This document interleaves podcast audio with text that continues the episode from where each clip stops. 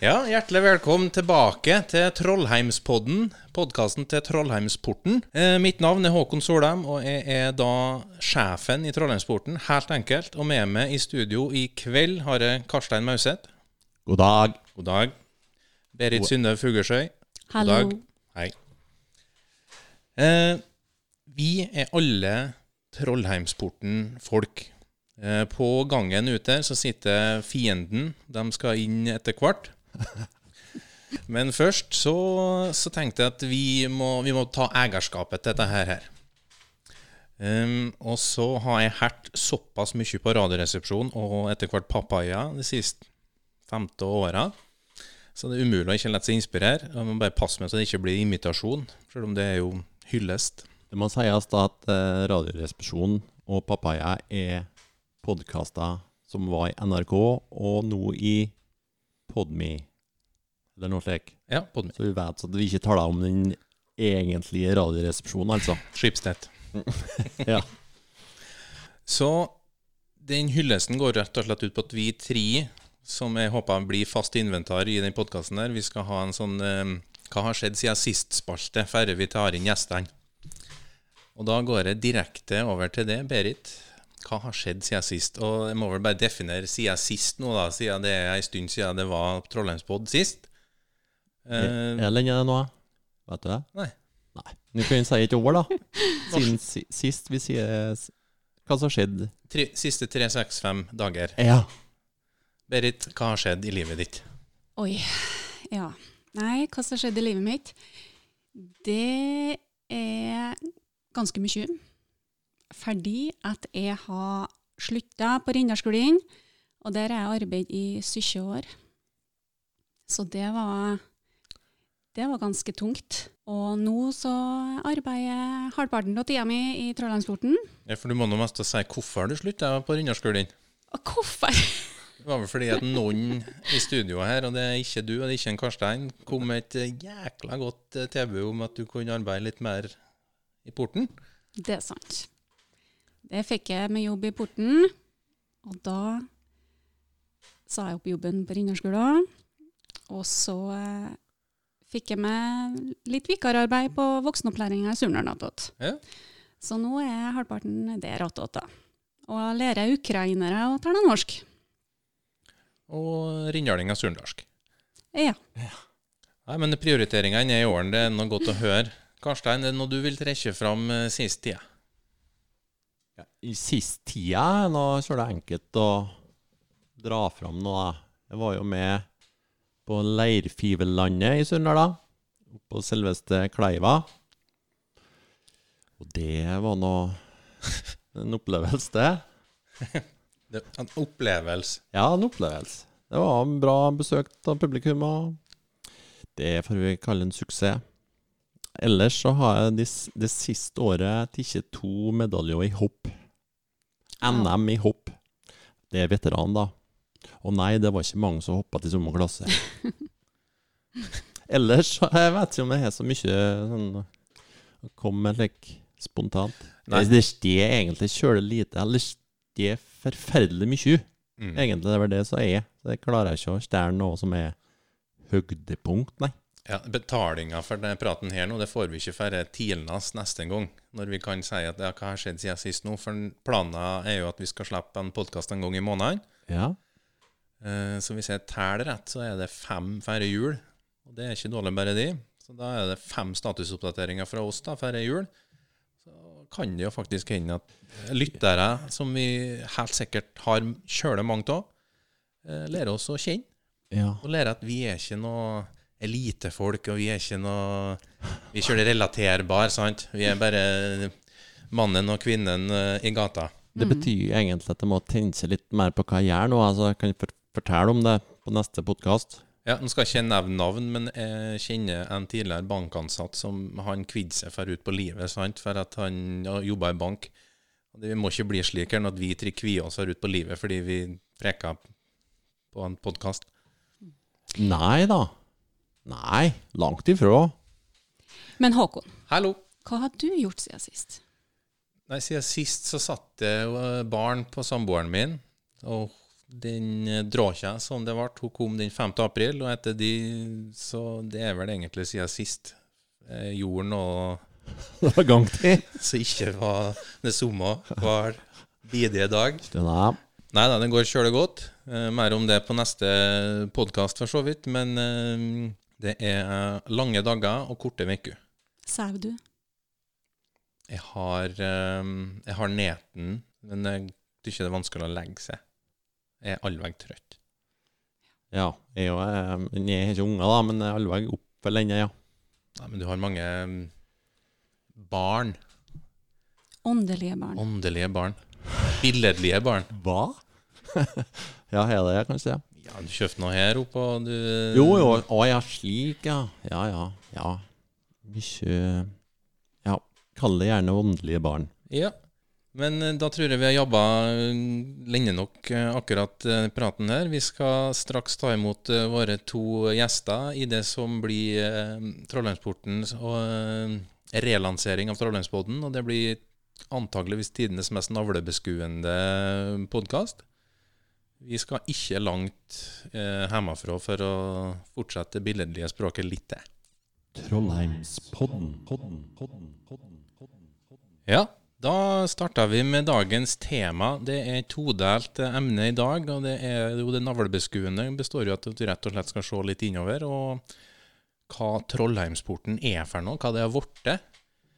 Eh, Trollheimsporten sin rolle i lokalsamfunnet. Og så skal vi preke litt mer generelt om, eh, om media sin rolle. Og da helst i, i en lokal kontekst. Jeg skal presentere dagens eh, første gjest. Han er utdanna journalist ved Høgskolen i Oslo. Han er tidligere eh, hvitevareselger for Ekspert på Storo. Han har vært daglig leder i Surnadal IL. Han er forhenværende daglig leder og redaktør i Trollheimsporten, og han er nåværende redaksjonssjef for lokalavisa Driva. Dagens første gjest, Øystein Gjelle Bondhus, velkommen tilbake. Tusen takk for det, Håkon. Ja, du starta jo opp det her eh, podkasten her i lag med, med Karstein. Hvordan var det? Nei, det var, var godt. Eh, det begynte med at vi spilte inn en pilotepisode som vi vel eh, tykte ble såpass eh, middels at vi det tok vel et år før, vi tok fram ideen igjen og, og spilte inn noe som vi ble mer fornøyd med og fant ut eh, litt mer hvilken form vi ville, ville ha på det. Så mm, det var kjølegutt og, og holdt på med podkast, og det, jeg er kjølig glad for at Trondheimspoden er tilbake. Så bra. Hva var den piloten? Hva tala du om da? Var det bare de to? Da, da var det bare vi to, ja. Da var det Det ble litt like, enkelt, kan en si, og fort, fort ferdig. Så det ikke, ikke ble godt heller. Så det var egentlig vi, vi tror ikke vi spiller den av for redaksjonen i Trollheimsporten engang, for at vi, vi skjemtes, rett og slett. Så det ble bedre etter hvert, heldigvis. ikke var det form, ikke var det innhold, sier Det stemmer. Nei, men det gikk nå kjølig godt da, helt til de, de slutta. Hvorfor slutta de? Nei, det var fordi at vi, vi mm, følte kanskje at vi måtte ta en litt lik eh, avgjørelse på, på forum, egentlig, da. Um, og ha gjort litt av det samme. Og så fant vi ut at hvis vi skulle fortsette, så måtte vi kanskje sette litt klarere eh, rammer for hva, hva podkast vi har lyst til å lage. Og det satser vi på kommer nå. Vi satser på det. Eh, Øystein, lett med Spæle. Hvordan var livet som kvittevareselger på Storo? Nei, Det var, var kjølegodt. Um, det var nå begynner å bli en del år siden nå, da. Um, men uh, kom inn der som en uh, bygdagutt og begynte å selge til Oslo-folket, som stoler mye mer på meg enn dem som jeg, sier jeg har dialekt. Så gikk det strålende med salget, mens de fra Østlandet de slet mer, for de, folk stoler ikke på dem. Ja, nemlig. sant. Så alle gjester her nå har jo enorm troverdighet pga. dialekter. Absolutt. Det er så godt. Nå er du redaksjonssjef i Driva. Hvordan har hverdagen din endret seg siden du var i porten til, til nå? Kan, jeg kan jo skyte inn at du er jo ute i pappapermisjon for øyeblikket, stemmer ikke det? Det stemmer, så den har jo endra seg veldig nå de eh, siste par ukene. Men, men eh, nei, det, hverdagen har jo endra seg i, i den uh, hovedsakelig, fordi at det nå jobber mer med journalistikk, mindre med marked. Det er vel den største endringa. Uh, og så har jeg jo ikke personalansvar i den, den jobben jeg sitter i nå. Hva gjør du egentlig? Nei, jeg driver jo en del med utøvende journalistikk, og i tillegg til en del eh, planlegging av både hvem som skal skrive hva, hvem som, eh, hva vi skal få med oss, hva vi skal dekke. Og så lager jeg jo podkast, da, eh, der jeg er nå òg, så mm, det er ikke noe problem å fylle dagene, for å si det sånn. Strålende. Da skal vi presentere dagens andre gjest, og det er stadig eh, navlebeskuende. Hun skifta nylig jobb som konsulent ved Surnadal videregående skole til fulltidsjournalistikk i lokalavisa Driva. Hun avslutta i sommer leien Illavår som frilanser og vaktmedarbeider i Trollheimsporten. Hun er dalførets eh, mest sportsinteresserte mediepersonlighet. Jeg tar den påstanden, Stein, fordi du er bare fotball. Og hun er den personen med det største kontaktnettverket som jeg vet om, iallfall. Dagens andre gjest er Vidkun Quisling. Eh, Mari Vattøy. Velkommen hit. Tusen takk. Savna du porten? Ja, klart jeg savna porten. Jeg savna folket i porten. Mm, aller mest. Så bra. Mm. Hvordan har hverdagen din endra seg? Når var det du skifta Det var 1. juni, det? 1. juni jeg i Trolllandsporten, ja. Ja. Eh, og da begynte jeg litt som frilanser, da, fram til jeg ble fast ansatt i midten av august i Driva. da. ja for det var en sommerferie imellom. Eh, en slags sommerferie. En slags sommerferie, det er nok. Ja, Jeg, har- jeg har hatt en slags sommerferie eh, i år. Ref det jeg sa i stad. Men hvordan har hverdagen din endra seg fra konsulent og frilans til fulltidsjournalist? Da jeg arbeidet i Trolllandsporten, da, så var jo det en eh, tilleggsjobb til konsulentjobben på Surnadal videregående. Så da arbeidet jeg full jobb på Surnadal videregående, og så ca. 30 timer for porten i måneden. Eh, så nå arbeider jeg jo en 30 timer mindre i måneden, halv hver, eh, og trives godt med det. Sikker på at det var bare 30. Det har vært rykte da, innad i, i redaksjonen vår om at du har ikke akkurat skrevet timer med gaffel. Nei, slik, jeg har levert 30 timer Ja, fast. fast. ja. ja. Mm, så hverdagen forandrer seg på det viset. Mm. Men uh, ja, Men dette er her du vil holde på med, 100% sant? Eh, glad for valget jeg tok, har ikke angra et eh, sekund på det. Og kan nå arbeide med det ikke alle vest. Da kan jeg si med, med handa på hjertet at jeg er glad på dine vegne, sjøl om vi selvfølgelig savna det kjempegalt i porten. Ehm, og det tror jeg òg blir en slags overgang til, til temaet for, for kvelden. Med mindre du, Berit, til noe du vil bespære seg to om noe personlig før vi går på sak. Ser ikke slik ut. Nei, Håkon, jeg har ikke det. Da går vi aldeles er Etter pausen så kommer vi at eh, skal vi se litt på hva Trollheimsporten er for noe for dem som sitter i rommet her nå, og hva porten har blitt. Trollheimspodden. Podden, podden, podden, podden. Ja, vi skal begynne med, med tema og sak, og jeg går rett på første spørsmål, og det er Mari. Hva er Trollheimsporten for det, og siden du var med i så mange år, hva, hva har den blitt i, i forhold til hva den var? Mm. Jeg starta jo i Trollheimsporten i 2011, eh, på Barn i løypa. Første oppdrag. Em, ja, det har vært ei stor utvikling siden da. Um, og hele veien så har transporten vært plassen man forventa å finne det siste som har skjedd i dalføret. Og det har vi òg klart men det er i mange, mange år. da. Og så er det jo det som er unikt med transporten, det er jo at man finner alt fra altså Toppstasja kan være kommunepolitikk, og så scroller du litt, og så finner du en notis om at noen har funnet en vott oppe i Vinnerdalen. Sant? Og det er det, det, er det spekteret da, som gjør eh, transporten nå for seg sjøl. Og ja, som har kjørt stor betydning for mange, både surnadalinger og rindalinger. Og jeg håper at uh, for transporten sin del at de fortsatt vil uh, være aktuelle. Og for folk forventer fortsatt å finne det siste. Ja, for hva ser du på, um, på oss nå, da? Altså, som, er, vi, er vi direkte konkurranse, vil du si det? Det mener jeg både ja og nei. Eh, vi konkurrerer jo om å få de beste sakene. Mm. Eh, på nyheter så bør driva være bedre enn transporten. Eh, men på feature-saker, og intervjue personer med fine spesielle historier, der eh, vil du nok fortsatt være en konkurrent, tenker jeg. Ja, vi skal jo kanskje utfylle hverandre litt. Grann, da. Og mm, Nå skal ikke jeg sitte og utlevere verken det ene eller andre, slik skitt, men det er klart at Driva Inntrykket mitt satsa tungt. da. Eh, De er personsterke, spesielt de i Surndalen. og Det merker vi jo. Har vi som funksjon, Driva trådhjemsporten? Mm, nei, det tenker jeg ikke at vi riktig er. Eh, vi er ei avis, det er ikke trådhjemsporten, Det er to helt forskjellige ting. Mm. Eh, samfunnsoppdraget til Driva eh, er jo i stær grad den Trollheimsporten, da. Skal se kritisk, eh, med kritisk blikk på nyhetene, og ha litt mer gravejournalistikk, om du vil kalle det det. da. Det er jo ikke noe som eh, Trollheimsporten eh, trenger å drive med.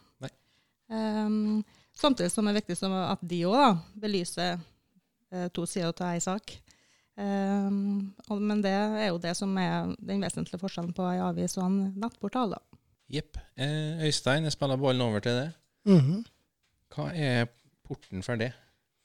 Porten for meg er jo først og fremst en, eh, en portal der det går an å finne eh, stort og smått fra hele dalføret, og der en slipper til mange både stemmer og aktører eh, som kan komme med sitt. Altså den funksjonen som en har, og den unike forutsetninga som en har med 300 medlemmer, det gjør at du, du, du når kjølig bredt.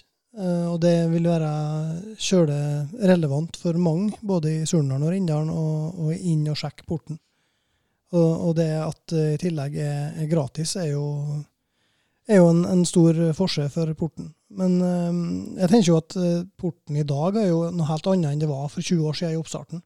Det, det er mye mindre statisk, det er mer levende. eh, og det, den er representativ for begge lokalsamfunnene på en, en god måte. Og det ser en jo på lesertallene, som, som uh, har blitt såpass høye at det er klart at mange søker til porten for å få informasjon. Jeg tenkte jeg skulle spørre deg om det, fordi at du satt i tre år. Tre år. Uh, Jeg, jeg reiser jo rundt og skryter av de siste fem åra. Uh, Lesertallsutviklinga har jo vært formidabel. Eh, og der skal jo du ha all ære Ikke all. de åra du satt, da. Kanskje. Nei, ikke all ære, men du er nå ansvarlig ferdig. Eh, Hvordan jobba du for å, for å få opp dem? Nei, det var nå gjennom Det er klart, min bakgrunn er som journalist. Eh, Det er der min kompetanse ligger når det når det er ansatt i porten. Og, og da var min eh, inngangsvinkel kan du si, det at jeg ønska å produsere gode saker, og mye saker. Jeg ønska at vi skulle være en konkurrent til, til avisene på siste nytt. Og være først ut og være god på det. Og det, det tror jeg vi lykkes med. Så er det klart at når det er bare to fulltidsansatte, da, så er det klart at, at det er jo kjøle personavhengig med hva, hva kompetansen har. Jeg er jo ikke noe, noe selger. Jeg, noen, jeg har jo mine sterke og svake sider, og det er klart at du har en litt annen bakgrunn enn meg. og det, det er det hva en ønsker å satse på, og hva porten skal være for noe. Det er jo noe som endrer seg litt over tid òg, tenker jeg. Vi går over bordet for meg, og der sitter portens eh, Hva skal jeg si det? To og en halv til fast ansatte. Berit, du er jo nå 50% fast ansatt i, i Trondheimsporten. Mhm. Hva er porten for det? Nei, jeg begynte nå for to år siden. da. Jeg stakk bare hodet innom en eh, Øystein på kontoret. Og han eh, jeg tror tok, tok mest av tak i meg. og bare 'Vi vil at du skal skrive!' Og eh, hadde det ikke vært for at Øystein og Sigrid har hjulpet meg så gærent, og støtta meg og gitt meg sjøltilliten, så har jeg ikke vært her i dag. Så eh, Trollheimsporten har vært, betydd mye for meg personlig òg. Som leser, eller? Eller tenker du bare etter du begynte å skrive? Ja, altså den personlige utviklingen jeg har hatt òg, Mm. med hva jeg tør å gjøre nå, i forhold til hva jeg torde å gjøre for to år siden. Nå, nå tenker jeg bare på meg sjøl når jeg taler om Trollheimsporten. Jeg spor det, så det er Ja, ja. kun det sjøl du preker for her. Du kan preke for en Karstein som ikke har mikrofon der han sitter Ja. attmed det, stakkar. Stakkar. Nei, så Trollheimsporten er noe, noe jeg har fælt i, i alle år. Og som er Men nå er det nå sjølsagt en sånn ekstra Ser du noen store endringer da, bare på den relativt korte tida som du har vært på, på innsida? For å kalle det det. Mm, Nei, det gjør det ikke. Det skjer ingenting. Håkon, du stiller så vanskelige spørsmål. Det er en ting da med at uh, Mari ikke er det lenger. For at jeg tenker at uh, når jeg ser hvor Mari skriver, så tenker jeg søren. Nå hva jeg skulle tenkt på, tenker jeg. Det er ikke noe forskjell på oss og Øystein, tydeligvis. Nei, dere er kjølegau begge to. Ligger fint Ja. på håret. Ja. Så det, det var trist at du slutta, Øystein. Absolutt. Hva syns snilt sagt. Sigrid er nå der ennå, da. Hun er jo super, da. Og så kom den Kjølin gauen. Den nye en. Hei. Hva er porten for det, da, Håkon? En arbeidsplass? Kun en arbeidsplass? Nei. Eh, bakgrunnen min er jo slettes ikke som journalist, sjøl om jeg har en frilansperiode i tidligere nevnte lokalavis Driva i 2006. Eh, jeg er utdanna oversetter, eh, og innenfor språk og kommunikasjon så har jeg aldri vært interessert i det jeg kaller det ordets makt. Um, Sjøl om jeg ikke skal framstille meg sjøl som en maktsjuk mediemogul her nå, da. Surndalen og Rindals Murdoch, for å kalle det det. Det, det, det er ikke ambisjonen min. Men de siste åra så satt jeg jo på syltbakke og sært rør. Så det at jeg fikk den sjansen her nå, det får jeg jo bare takke styret mitt aller ydmykest for. Kjempemulighet. Og så får jeg endelig drive med noe som kanskje ligger meg litt nærere for hjertet. da. Det å skrive saker og, og få leke seg litt med, med både form og innhold etter hvert. Og, og eh, jeg pusha meg sjøl ganske langt ut av komfortsonen min sjøl. Det er jo kanskje det porten er mest for meg akkurat nå. Og det representerer et stort skille i livet mitt. da. Um, så det er jo stadig bratte lærekurver for min del. Og så um, lærer jeg litt hver dag. Og så får jeg med meg ting. Tidligere så satt jeg bare i den her 8-4-bobla mi på kontoret på Pipelifen der og drakk kaffe og visste omtrent ikke hvem ordføreren var i, i kommunene, sant. Og nå er det plutselig litt Jeg vet alt. Og det forventer jeg at det får med meg mye av. Um, så det eneste mangla, er en skikkelig slik um, edderkopp uh, av en ryktesmed som får med seg alt. Mari, jeg ser på det. Ja, du mener jeg det. Du, du får jo ikke tilbake. Jeg er ikke en edderkopp, jeg da, Håkon. Mer en sommerfugl, Berit.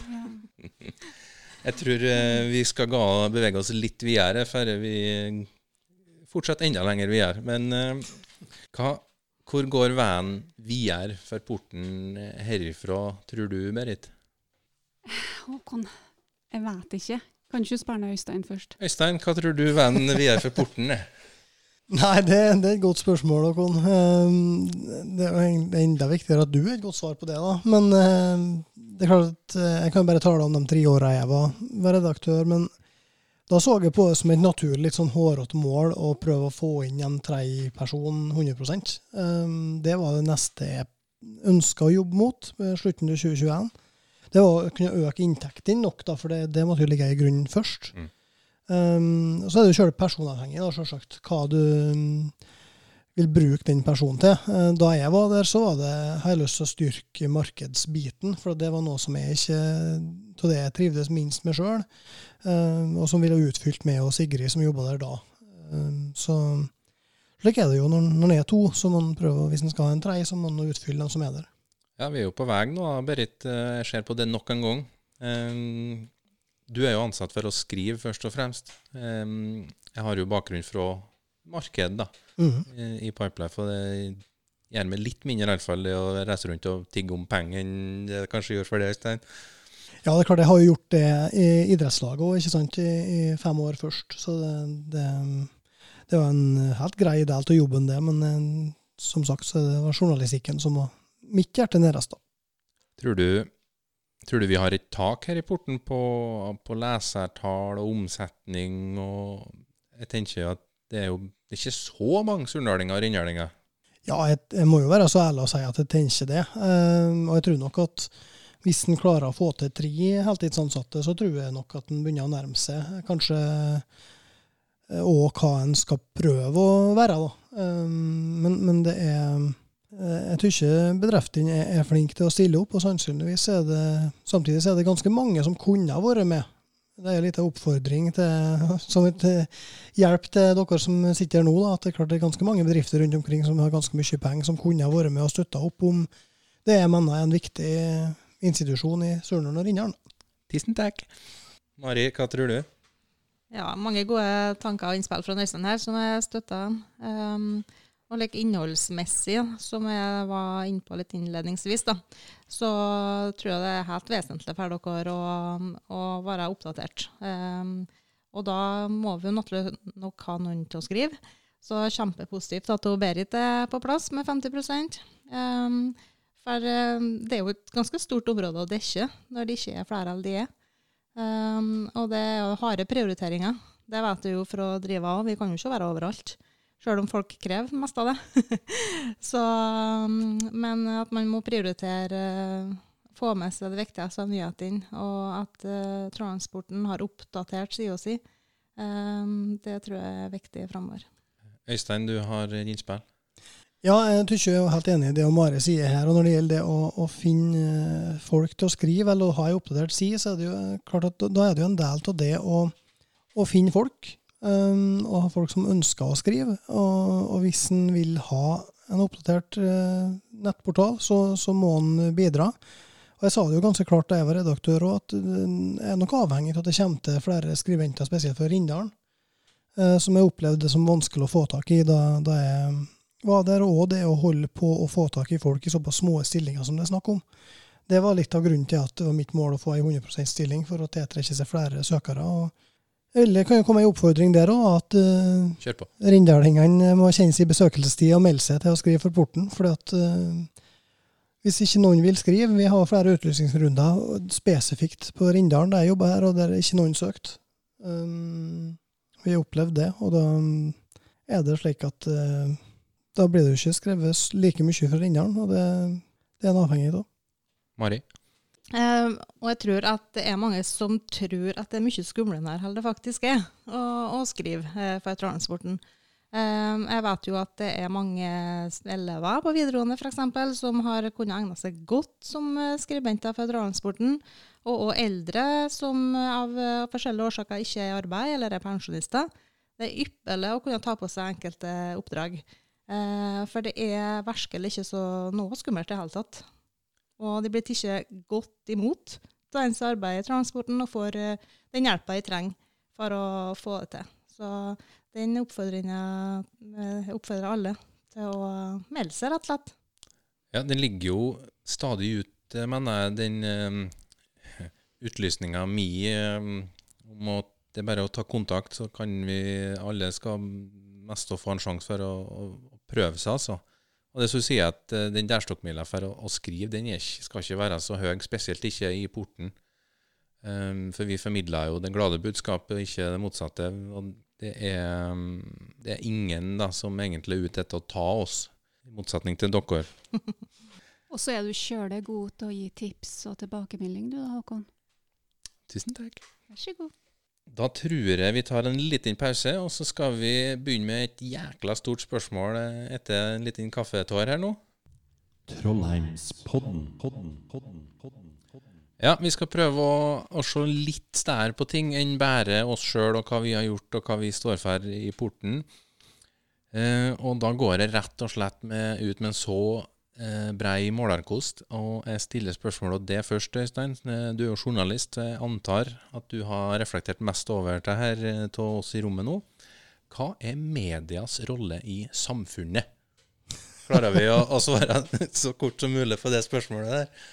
Ja, det er nok kortest mulig, så er det noe lim og lupe. Det er nå på en måte kortsvaret. Um, det handler jo om å evne å lage den journalistikken som byr opp og viser det positive i samfunnet, samtidig som den klarer å sette et mer kritisk søkelys når det trengs. da. Ordet vaktbikkje er jo bruka av og til. Mm -hmm. Det er en del av det. Eh, løpedelen, og så har du limet som uh, porten f.eks. har nedfelt at den ikke skal være pådriver for gravejournalistikk. ikke sant? Så det, da har du den limet over, prioritert over løpet. da. Ja, fin, snedig, snedig, snedig sagt. Mari, er det noen tanker der, du? Ja, altså Vi som eh, arbeider som eh, journalister, vi har jo et enormt viktig samfunnsoppdrag. Um, vi skal jo faktisk um, informere folk slik at de kan delta i samfunnsdebatten. Intet mindre. Uh, og det er ganske, Hvis en tenker litt over det, så er det et stort uh, ansvar. Berit, hva tror du? Ja, jeg er nå enig til det de sier. Men eh, jeg, ikke, jeg føler ikke at uh, akkurat min rolle er å være vaktbikkje, da.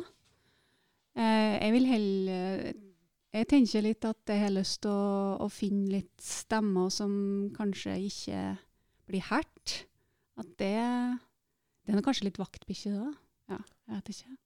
Det handler om at du løfter jo opp ja, det som sier løfta opp dem som ikke blir herta. Det er nå i aller høyeste grad både mest å lupe og lim, det, da. Jo. Og det å prøve å finne dem som kanskje ikke blir sett så mye, og prøve å få tale litt med dem, det har jeg lyst til å arbeide med. Mm, og, du, og, du, da, Håkon? Hva du vil? Hva jeg vil snevre inn den praten litt for å, å gjøre den litt mer relevant da, for, for oss i rommet. Uh, og jeg svarer på spørsmålet ditt med et spørsmål tilbake. Og det er jo spiller vi som lokalmedia den rollen i lokalsamfunnet vårt?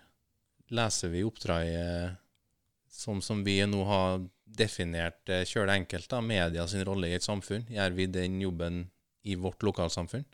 Mari? Ja, jeg mener jo absolutt at vi er det. Eh, vi setter jo dagsorden. Vi skaper engasjement. Eh, vi skaper debatter. Så det føler jeg at vi gjør hver dag. Tror du, Øystein? Jeg er helt eh, enig i det. Um, så tenker jeg at Det er jo litt forskjell i samfunnsoppdraget til Porten og Driva.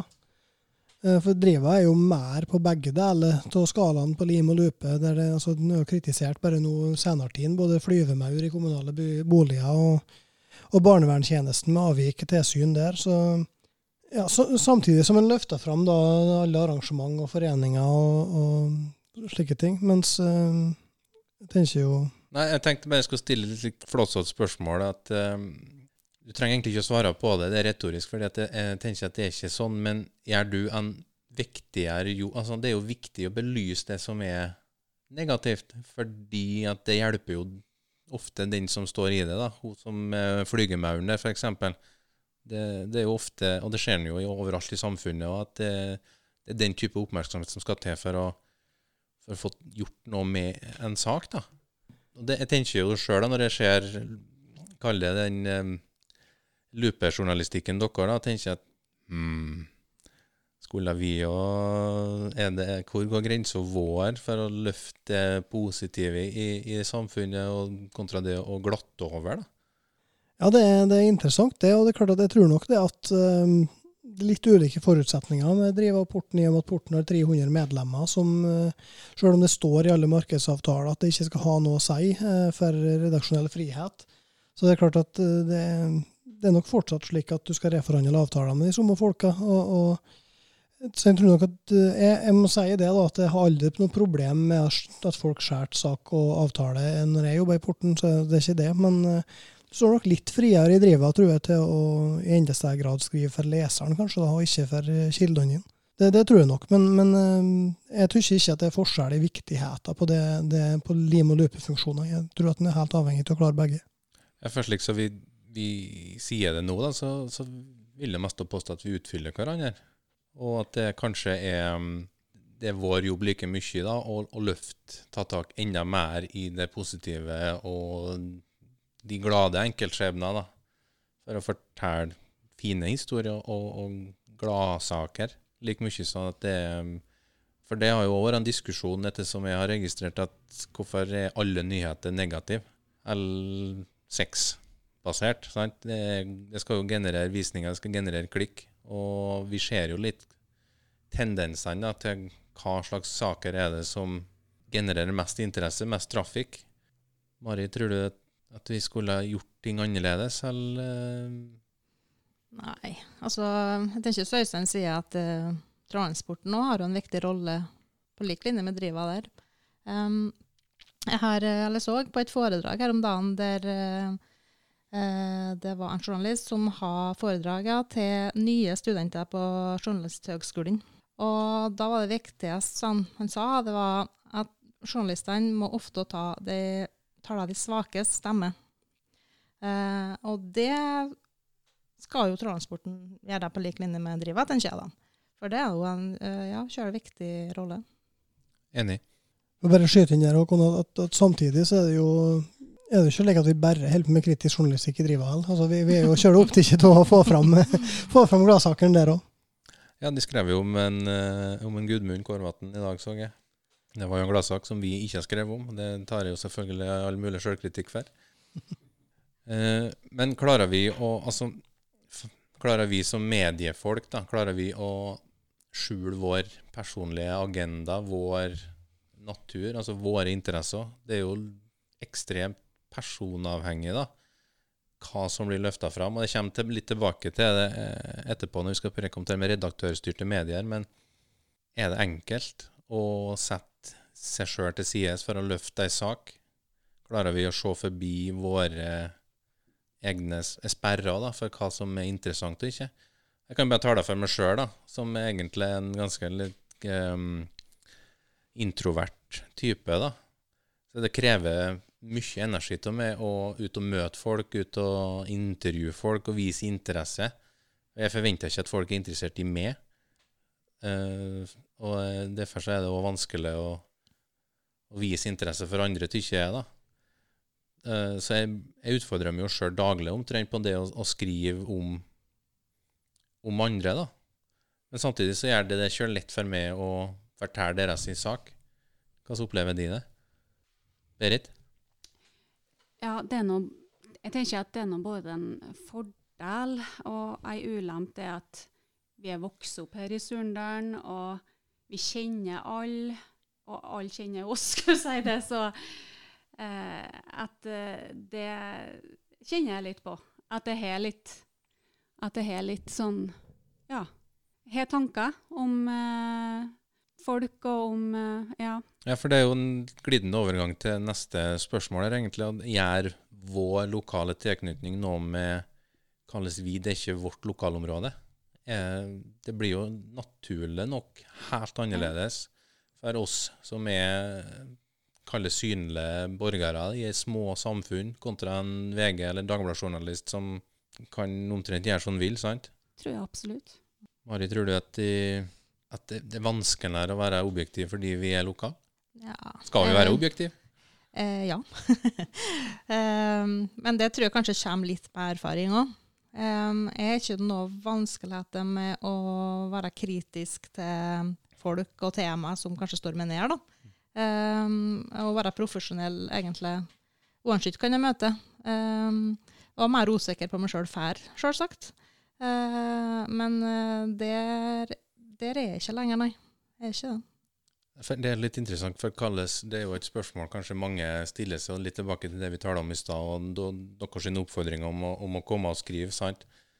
At hvordan blir man mottatt som journalist når du gra, graver opp det negative, og du er, altså, har et fokus på ting som er ukomfortabelt for dem det gjelder? Ja, og det kommer man med oppi. Selvsagt iallfall som journalister i Driva. da. Eh, ikke så mye så i transporten. Heldigvis. Så det skal ikke folk være redd for hvis man har lyst til å begynne å arbeide der. eh, men at man er kritisk til at vi rinner og grever og spær, det er jo klart de er det. Men samtidig så opplever jeg at de er profesjonelle, de vi er i kontakt med. altså. Det har jeg ikke opplevd noen ubehagelige situasjoner så langt, men han har vært her bare noen uker. da. Øystein, du var litt mer i Norge, hvordan opplever du det? Jeg opplever det slik at de aller fleste forstår at når vi er oppmøtt når det er noe å kritisere, så er vi òg oppmøtt de gangene de har noe positivt å fortelle. Eh, At folk stort sett er flinke til å skjære at det handler om, om sak og ikke person. Og Det er klart det er kjølig viktig at vi òg som journalister klarer å opprettholde det, det skillet. Så jeg tenker at lokal tilknytning for oss det, det er en styrke. For at du kjenner geografiske eh, koblinger, du kjenner nettverker med folk. Du kjenner mm, hva som står for hva i samfunnet. Da er det litt like at det handler tenker jeg, om, om det Mari sa, om å være profesjonell. Um, og så handler det om eh, at du er litt uh, redelig på de koblingene som eksisterer. For det er såpass små forhold at du klarer ikke å unngå at du skriver om folk du kjenner. Men eh, er det så tett? altså For det første er det noen andre i redaksjonen som kan skrive akkurat den saka med akkurat den kilden. Hvis ikke, så må du gjøre det klart i teksten at her er det et slektsforhold eller et venneforhold eller noen som skriver om en forening de sjøl er med til. Da, da, må det komme klart fram i teksten. Ja, For så, ordens skyld så kan jeg bare skyte inn at vi er jo quizkamerater.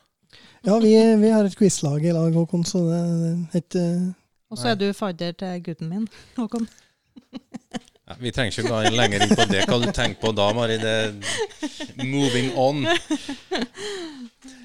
Jeg lurer på Jeg så en gang eh, Øystein Bondhus at du løfta Jeg kommer ikke her om det var en link til en sak eller hva det var, men du taler redaktørstyrte mediers sak, da. Jeg vet ikke om du kommer av eh, Jeg kommer ikke av det sjøl, naturligvis, hva som sto i den saka, men jeg tenkte at det er et litt interessant tema, da, fordi at du har redaktørbakgrunn, jeg sitter faktisk som en slags eh, redaktør sjøl. Hvor viktig er det med redaktørstyrte medier kontra eh, alternative medier, sosiale medier, og rett og slett eh, bygdedyret? da? Jeg tenker jo at det er viktigere enn noen gang. Ja. Um, for at du har nettopp sosiale medier, du har influensere, du har på en måte kontoer som er ute etter å spre falske nyheter.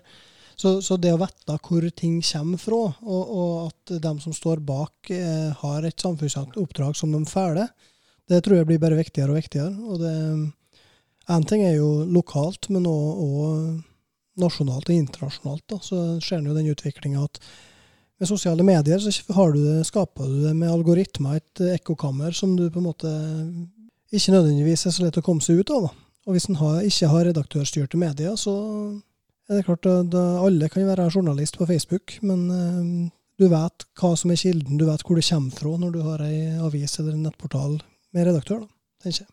Samtidig så er vi jo da som redaktører, og, for så, altså, om du er redaktør eller du er journalist, i hvert fall på det nivået vi er på, fordi at slik som vi opererer med i, i porten, så er det jo, er jo helt avhengig av stor grad av selvstendighet. Sånn at hun Berit hun eh, står fritt til å, å, å, søke de sakene hun har lyst til å løfte opp, uten at det skal styre henne i den og den retning. Men samtidig så er det jo da enkelt for noen andre, kan hvermannsen da, i, i en mørk uh, hule kjellerleilighet sant, og si at 'jeg har en agenda', jeg er uærlig, jeg er utsatt da, for den type kritikk. Hvor enkelt er det da å sverte den redaktøren og si at ja, men altså, det redaktørstyrte media er jo ikke viktig, fordi at den redaktøren der er jo bare full av møkk. Nei, Det er klart at den uh, får du. Um, fordi at det vil jo alltid være folk som er uenig med det. Det vil være folk som det kan være folk som ikke liker det, det kan være folk som er uenig med det, og som ikke klarer å skjelne mellom hva du står for og hva du, hva du, har skrevet. Og det er jo noe som er både positivt og negativt med det, den bransjen vi jobber i. Da. Det er jo at alt du jobber med, alt du skriver, er jo kjempesynlig. Så det er klart at hvis folk skriver en tekst, eller iallfall hvis du skriver meningsytringer som folk er uenige med, så, så er de i sin fulle rett til å mene det. Men eh, jeg tror likevel at, at det å ha en, en, redaktør som, og redaktørstyrte medier som har en på en måte fast agenda og et samfunnsoppdrag de jobber etter, en uavhengig presse, det, det, tror jeg er fryktelig viktig, og det blir bare viktigere. Hvis vi drar den ned til det lokale nivået vårt, da, hos, eh, vi er jo ikke like utfordra på det som de er i f.eks. Eh, USA. Nei, det, det, er vi ikke. Og det er klart at her er det litt andre forhold. Men jo, vi har jo fortsatt eh, folk som mener det at de har lest ting på internett som er, er sant, og at det, derfor er det vi skriver feil. Um, og det er klart at Da er det viktig at vi er som vi har tala om her, profesjonelle. At vi, vi, gjør jobben vår i møte med folk, og at vi, vi følger opp de henvendelsene vi får, på en, en god måte. Sånn at vi, folk får tillit til det vi skriver og det vi jobber med. Og det er jo noe vi må jobbe Vi må gjøre oss fortjent den tilliten fra lokalsamfunnet vårt. ikke Ja, jeg har i hvert fall tenkt at det er jo et stort ansvar, som vi har sagt tidligere her, og at uh, det å opptre ærlig og redelig det er jo viktigere enn, noen gang. Og Så kommer jo det spørsmålet som vi har stilt tidligere, og hva, hva er porten sin rolle, hva er driva sin rolle til med ja, lim og, og lupe. Så det fasit det finner vi kanskje alle der. Hva tror du, Mari? Fasit finner vi nok aldri. Ikke sikkert vi skal finne fasiten heller. Eh, det er mange spørsmål som eh, vi ikke nødvendigvis finner svar på. Men eh, akkurat i denne redaktørbiten, da, så det ser jeg på som utrolig viktig. Eh, den dagen vi står uten redaktør, da vet ikke helt hvor vi bærer stand, altså. Nei, det er jo det med kommunikasjon, altså massekommunikasjon, det har forandra seg så ekstremt de siste ti åra, da, så vi kalle det. Jeg husker jeg studerte her med at eh, i de gode gamle dager sant, så var jo redaktøren eh, det var fra topp til bunn-kommunikasjon. Og så har det nå blitt fra side til side-kommunikasjon, sosiale medier. Og jeg har skrevet 'bygdedyret' da, som et stikkord her. sant? Kan vi konkurrere, kan vi utkonkurrere det bygdedyret? Får vi til det som, som formidlere av, av saker? En, Berit skrev jo en sak her nå eh, ikke, for ikke så lenge siden som, eh, som stilte spørsmålet hva måtte han gjøre da, for å bli kvitt ryktet? Ja, det var ei kjølig interessant sak, tykte jeg. Eh, for at det er noe, det er noe kjøle Det er noe et bygdedyr. Eh, og Er det digitalt? eh, ja, det òg. Så det, det var kjøle Jeg liksom møtte meg litt sjøl i det her òg, følte jeg, når jeg intervjuet han. At han går nå rundt og tenker litt eh, sine ting. Og, og det viktigste er jo det å, å få høre hva folk sier, og tale med folk. Og det er nå en eh, viktig del av jobben vår her, da, både i Driva og Trollheimsporten. Å få frem de stemmene. Absolutt, sier jeg. Eh, og jeg ser på klokka, og jeg får eh, en pekefinger fra Karstein om at det, nå må vi begynne å runde av. Så da tar vi en liten pause, og så skal vi eh, oppsummere til slutt. Trollheimspodden. Podden, podden, podden, podden. Ja, da skal vi rett og slett eh, dra i land den eh, første podkasten Jeg sier min nå her. Eh, jeg tror den har blitt lang nok. Jeg tror vi har tala om ting som er både interessant og ikke minst kjølig viktig. Um, vi har jo hatt litt like, uh, mylloprat her eh, om at vi kunne ha preka oss blå, tror jeg, om, om temaet. For det er digresjoner i øst og vest som fenger i hvert fall min interesse, og jeg mistenker en og deres sin, for vi, vi jobber jo i samme bransje. Eh, konklusjonen min er jo at vi som lokaljournalister, i likhet med riks- og internasjonale medier, vi har en viktig funksjon i, vår, eh, i vårt samfunn. Og så utfyller Driva og, og Trondheimsporten hverandre, i hvert fall på en god måte. Så da tenker jeg at eh, med mindre er noen som vil føye til noe her nå for eh, podden sin del, stikker jeg hånd han opp i lufta. Eh, og hvis det ikke er noe, så vil jeg takke så mye for at de kom, Øystein og, og Mari. En slags vi kaller det siste farvel med porten. Nå får de ikke komme tilbake. Nå er de ferdige. Den er grei. Takk for invitasjonen, Håkon. Takk for at jeg fikk komme.